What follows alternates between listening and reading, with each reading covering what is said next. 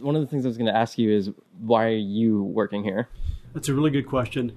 Uh, my mom had polio back in 1952 and could never pick me up or hold me. Mm-hmm. Um, this kind of technology wasn't around when she was in iron lung back in 1952. I could only imagine what her life would have been like if she would have had this kind of technology to rebuild her muscles, to help her nerves fire so that she could uh, drive a car, so she could pick up her babies and hold her babies.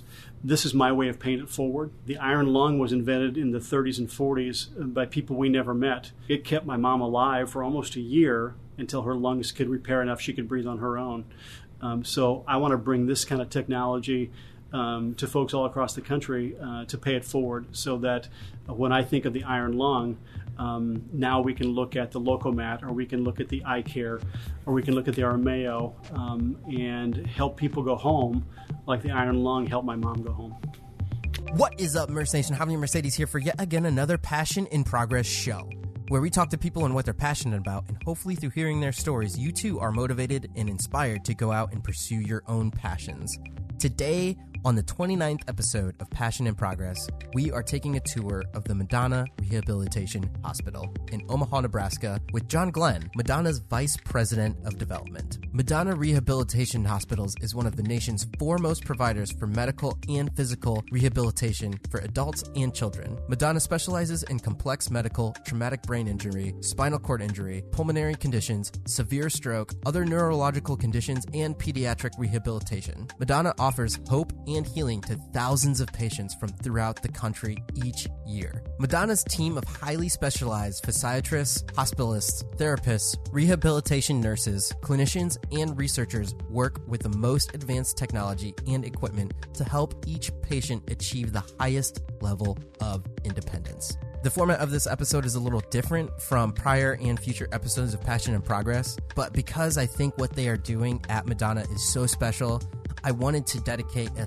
whole episode of awareness for what this place is and does, because it is truly a special atmosphere, what they have going on there. On a serious note, I am overly thrilled about the amount of DMs I am getting from all of the different listeners and viewers of this show and how it has inspired them to go pursue something that they were thinking about. And this isn't me just like saying this on the mic, like I it actually means a lot to me that what I'm doing now with my passion in this podcast has had some sort of minute impact on people's lives and what they're doing. Thank you so much. With that being said, if you want to support the podcast, you can write me a review on iTunes, and also I'm on Patreon. That's www.patreon.com backslash Javier Mercedes for those that want to support me that way. If you share the podcast out on social media, tag me at Javier Mercedes X. That's J A V I E R Mercedes X. I love seeing people share out the show. Without further ado, I do think that this episode is a very special episode of Passion in Progress, and that I myself did not know much about the rehabilitation field. And I think the more that people know about a place like Madonna, the more that people can get perspective and know that there are people out there that are really fighting every day to just do basic things like walk. So I'll let John Glenn take it from here on the 29th episode of Passion in Progress.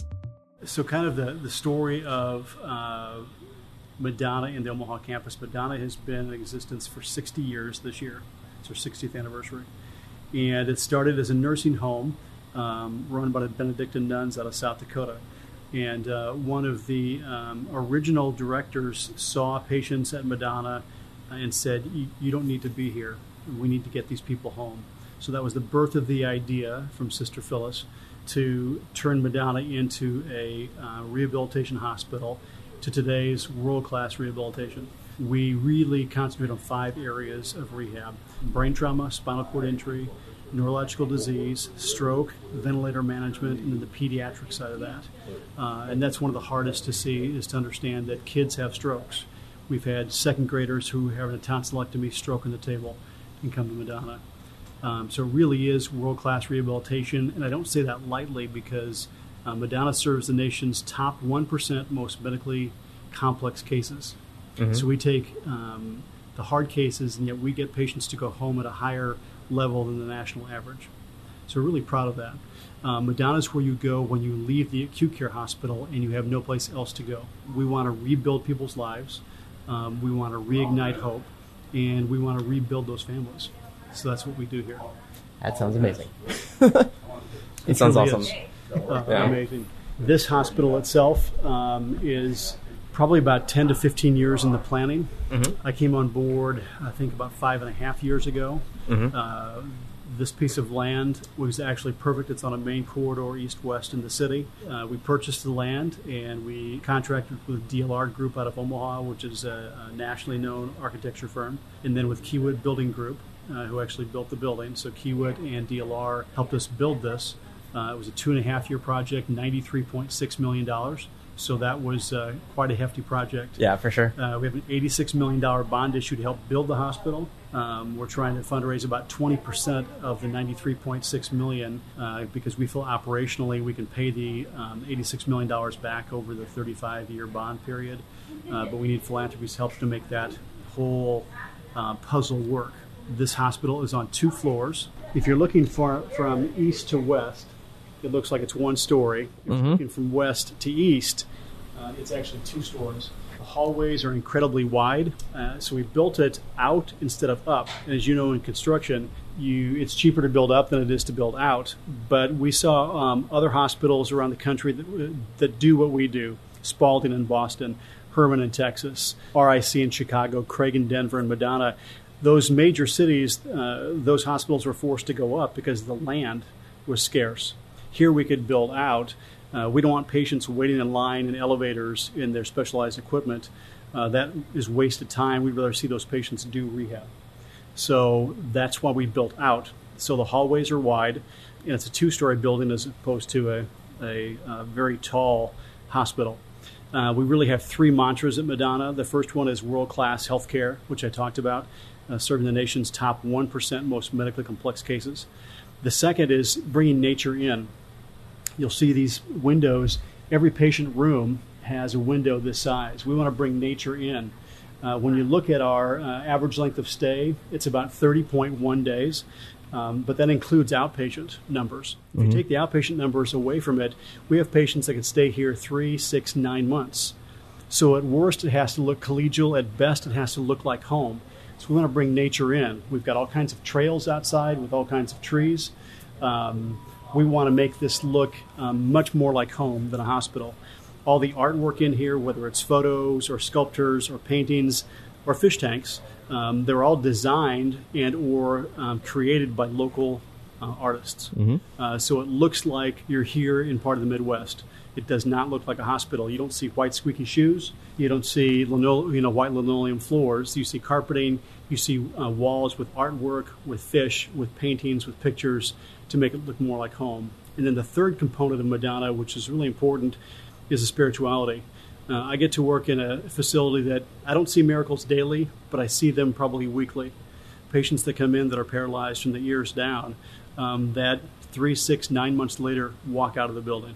I, I Um, told the story of um, I can't remember the disease. The guy throwing the ball, and he was the Oh, um, it was a, Gu- a Guillain-Barré Guillain-Barré. patient that um, uh, contracted the disease, was paralyzed, and came to Madonna, uh, paralyzed from the cheeks down. Um, six months later, he walked home. It's The, crazy. the kind of therapy we do here is very intense. Downstairs, we have uh, what we call our specialty hospital. That's a long term acute care hospital.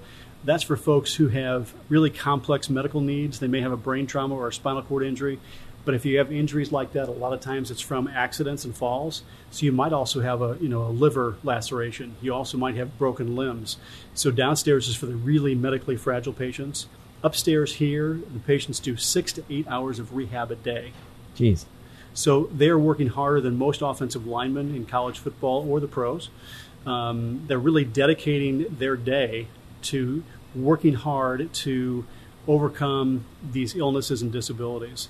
Uh, imagine if you have a badly sprained ankle. Uh, I would be a wuss, and I'd be on my couch taped with an ankle with a bag of Doritos and you know think of Diet Coke, and I wouldn't move.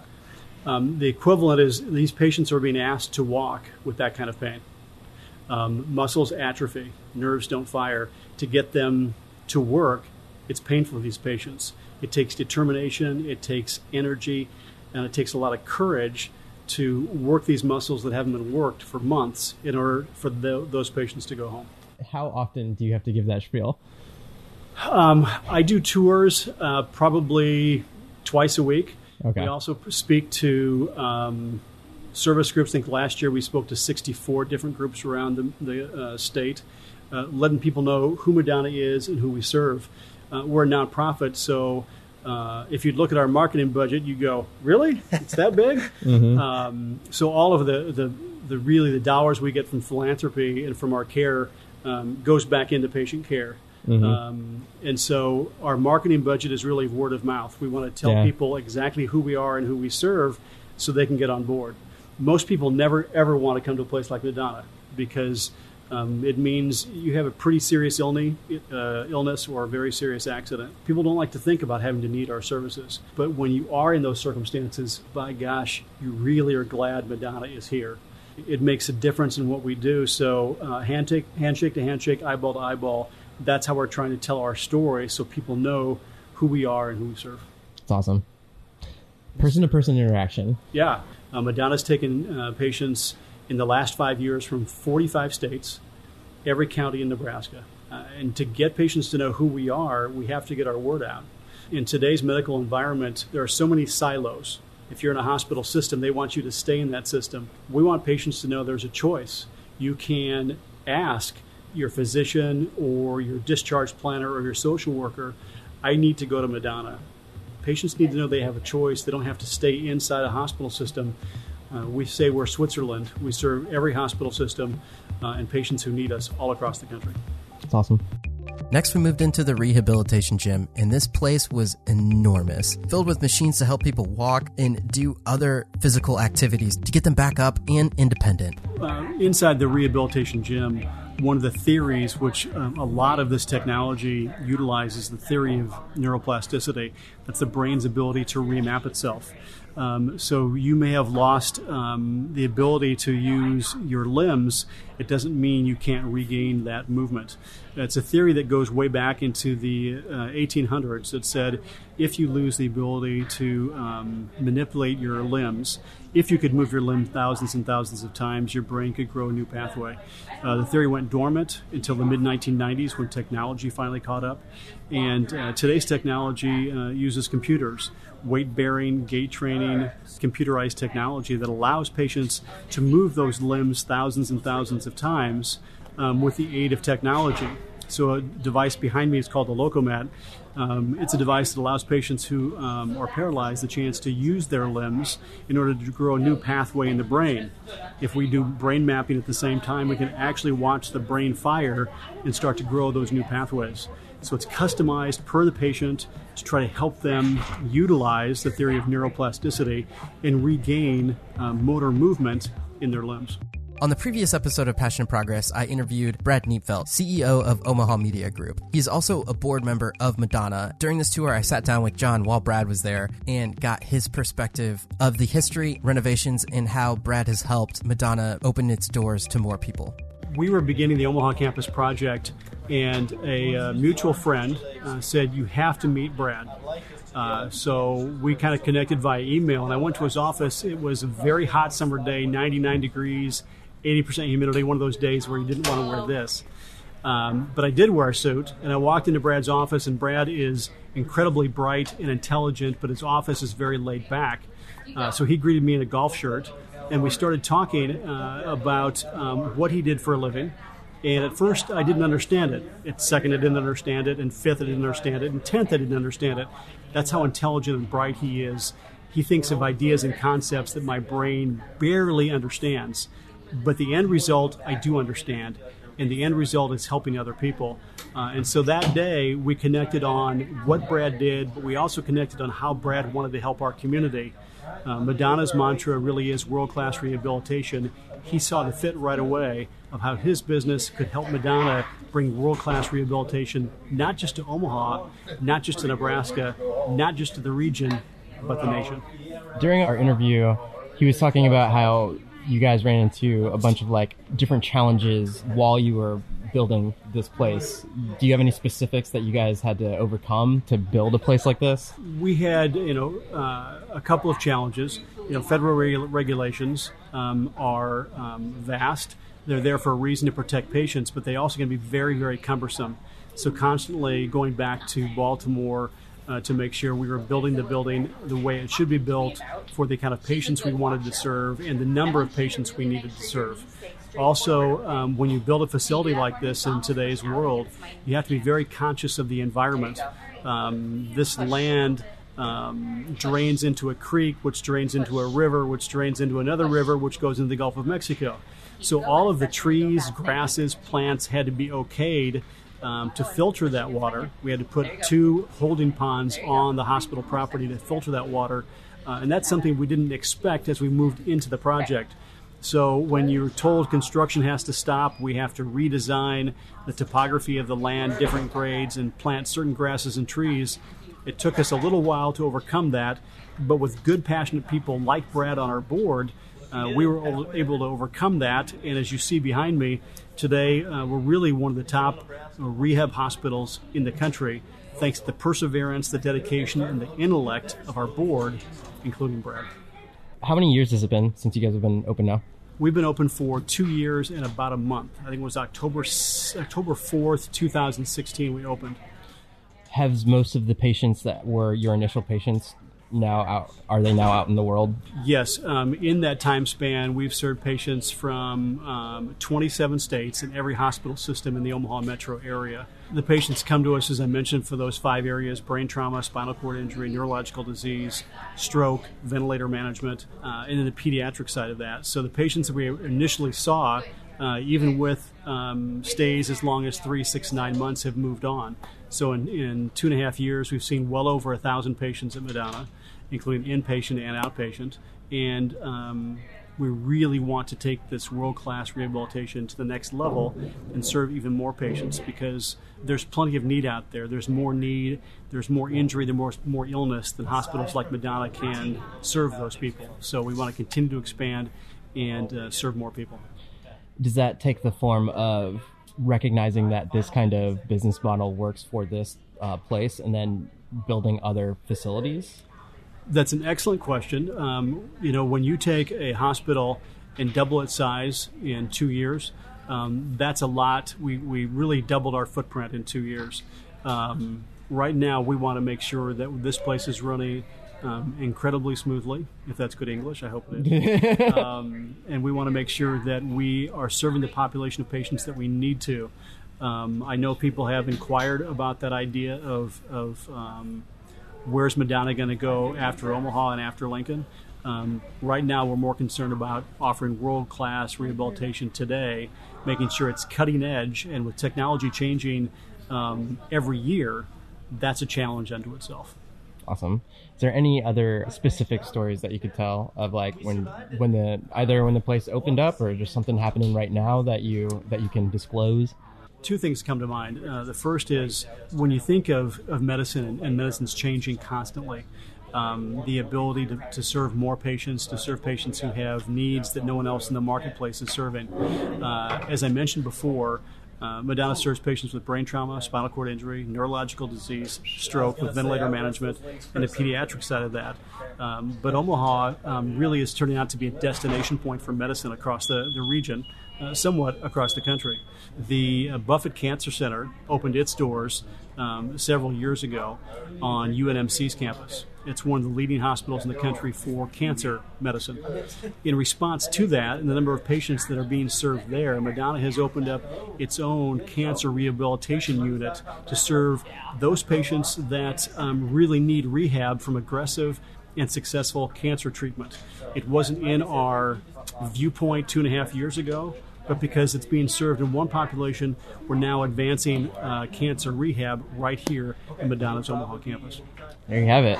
It's awesome. If somebody's looking to reach out, how do they get in touch, or how do they how do they approach coming here? Okay. One of the the mantras of Madonna is to let patients know they have a choice for their health care. They have a choice where they're going to go after they're finished with the acute care hospital. Madonna really is world class rehabilitation. Whether it's a discharge planner or a social worker or a physician, you have a right to ask um, for um, a release to Madonna. So go to www.madonna.org. There you can find out all the information about who we are and who we serve, and how our mission and vision really is to rebuild patients' lives to allow them to go home. Surrounding the rehabilitation gym are these rooms that represent real world situations. Off to the side, I noticed different scenarios of bathrooms. When we walked in, there was maybe three or four different versions of a shower and tub for people to practice getting in and out of a shower. So it's all about stuff that they would see when they go home. So if you can't lift if you can't lift your foot two and a half inches off the ground, how are you supposed to step in a shower? Well, it makes it very difficult. Most patients don't have twenty-five, thirty thousand dollars to redo their bathroom, but Glenn went to the corner to pick up a lightweight plastic chair to put in between the shower and the tiles on the floor. this you can buy at Home Depot, Walmart, Lowe's, wherever you might. So the two and a half inches, you might not be able to lift your foot, which would be a barrier to get in the shower. Now you can sit, lift your leg up, and you can take a shower. It's awesome. And you had, uh, I don't know if I got it uh, on camera, but they were just saying that they have different rooms that are specifically en- engineered for any situation that you would encounter at home. Yeah, I there's presume. ki- there's a full blown kitchen um, with different countertops, bedrooms, Mm-hmm. outside door, car. Is there stuff that you guys came across where you're like, oh, we have to build something for that? You know, for example, the, the iCare, which is what you just shot over here, Yeah. is an elliptical um, computerized weight bearing gait training device that costs a tenth of what some of the other equipment in here costs. So, um, our research institute said we can do this cheaper, faster, better, and uh, with the help of, of the team, develops brand new technology that costs less, that has the same impact and uh, ability to rebuild patients' lives. Next, we walked into a mock bedroom with a crib, changing table, and a queen sized bed. We have a tremendous number of, of uh, women who get hurt in childbearing years, and this room is to help them understand that they can still be a mom, to help them understand they can go home, they can practice changing their baby here, practice getting their infant out of the uh, crib here, and it's practical everyday experience which allows patients to get the confidence to go home. When you think of Madonna and our world class technology, a lot of that's medicine. But when we have rooms surrounding the rehabilitation gym, all these rooms are designed to give patients practice. Uh, and a football analogy is players always want snaps. Coach, I need more snaps to get the experience to go in the game. These are the snaps for those patients. Practical, everyday repetition to prove to them they can go home. It's not just about medicine, it's about confidence to be able to go home and be a productive member of your family and your community. It's it's hope. You're like looking at hope. Mhm. Everything in the building is all about hope. It's awesome. Next, we walked into a room that represented a garage with a full blown car and a wall full of tools that had washers, hammers, and other small items that you might find in a garage. So here would be an example um, of an area where we can work with patients uh, in two distinct fields. One would be fine motor skills to take maybe uh, 10 um, bolts, put 10 nuts down here, and start with 10 washers, 9, 8, 7, 6 to give people a chance to work with fine motor skills, but also cognitively to start following direction again after a brain injury. Same thing with a car. When you're 16 in our country, what's the first thing you want? You want a license when you're 16 to get out of mom and dad's house, right? Our patients want to know they can go home too. So the first experience of getting in a car again gives them that chance that they can get they can rebuild their lives and go home. Driving simulator. We have a driving simulator, which is the next step, and we have a dri- two or three cars outside uh, to help practice um, driving, whether they're um, a, a regular car or if it's adapted to hand controls. Next, we moved on to an area that was specifically designed to go up and down steps and get in and out of your home. If you've got your briefcase and a set of keys, and you got a bag of groceries, and all of a sudden, uh oh, I've got a screen door, I've got a, a uh, uh, a winter door on my house. How do I get the door open with my keys? How do I balance with my elbow, get the groceries in my briefcase, and go in the house? Well, you have to practice that. Um, and it, it, if you've got a, a physical disability, how do you get that done? This rail uh, is really different in June than it is in February. Uh, if you have small Irish hands like me, um, that's four and a half, five inches wide. That's a tough grip. Uh, if you have a physical disability, how do you navigate this and a screen door and a front door to go in your house? It's awesome. From there, we move across the room to an area that looks exactly like a convenience or grocery store. One of the exercises we'll do with patients is we'll give them a list that has, um, you know, maybe an Italian dinner, spaghetti, mushrooms, maybe garlic bread, um, and of course pasta sauce. So we'll give them that list and we'll give them um, a budget. So they come to the grocery store, they actually physically have to use a cart or a basket and pick up um, mushroom soup. Now this is the real deal. It's, it's heavy. Um, they may have to use a reacher if they're in a wheelchair. They take their groceries in their cart. They come over here. Can they make change? Um, can they make change if the budget was fifty dollars? How much did that dinner cost? They want to prepare for their family. Um, so it gives them a physical exercise, but also gives them a cognitive exercise.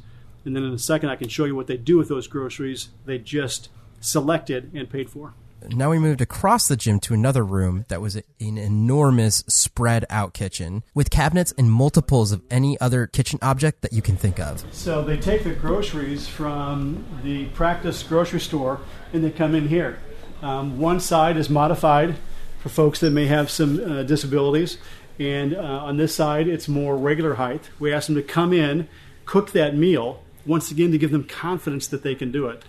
Um, we ask them then, once they get done cooking that meal, to come over here and serve it to their family members. The one thing that uh, is amazing working at Madonna is you realize it's not just the patients that have been traumatized, it's their families as well. Whether it's an illness or an injury, it's an event that affects the entire family. And the family members are as proud and excited to see their loved one make progress as the patient is. It's, this is a real joyous kitchen to watch someone make cookies or brownies or pasta for the first time in months to prove they can go home and take care of themselves. It's really awesome. amazing. Next, we move back out into the hallway, which is very long, probably one of the longest hallways I've ever seen. See how long this hallway is a two and a half football fields long. So there's no quarterback in NFL history or college football that could throw a football two and a half football fields in length.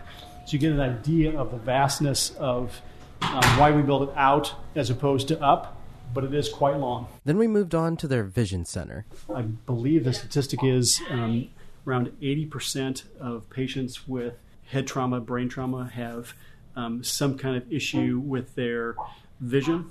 So we do a lot of vision training in here for those patients that have those kind of needs from a, a driving simulator, which is 180 degrees, to um, multiple kinds of, of touch pads where it lights up, we're asking the patient to touch, to um, more distinct uh, computerized graphics um, to help patients ID what they're seeing, uh, to help us um, with the vision aspect of what happens when you've got brain trauma. Next, we moved into a laundry room. You know, we're in a laundry room, and uh, one of the, the mantras of Madonna is we want patients' families to actually stay in the room with them.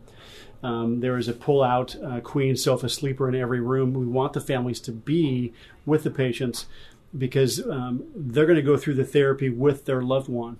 Um, and just like in football, when you leave two a days, you are in peak physical condition. Coaches used to tell me that once you're in peak physical condition, if you work out hard 30 minutes a day, three days a week, you'll stay in that condition.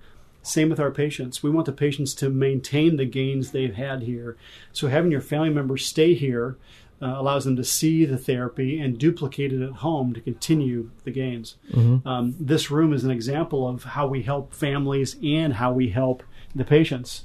Uh, this is a great practice area, once again, to get that practice to go home, to get the confidence that, yes, I can go home. So whether it's side by side or stacked, um, the patients can figure out, I got to do laundry because at some point, they're going to be home. Your wife can't stay home with you. Your mom and dad can't stay home with you. You need to get back into everyday activities. This gives you the practice. But this area also allows our patient families to not bring five suitcases to Madonna to live with their loved one.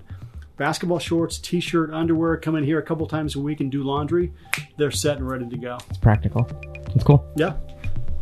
When we were out in the hallway, I noticed this picture of a kid that was wearing this full body apparatus, and it looked like these sensors that were hooked up to his arms and legs with wires going to this vest in his center. And I asked John what it was. One of the challenges of doing rehabil- rehabilitation with children is that uh, if our patients are with us three, six, nine months, Um, imagine how bones grow for kids who are little. You know, six months later, nine months later, their bone structure is different. So this kind of um, mapping helps us identify um, how kids' bones are growing, and so we can use that kind of information to help us do rehab therapy for children, knowing that they're not going to be static like an adult. Adults are done growing, kids constantly grow, and we have to be able to match world class rehab to their bodies as their bodies are changing.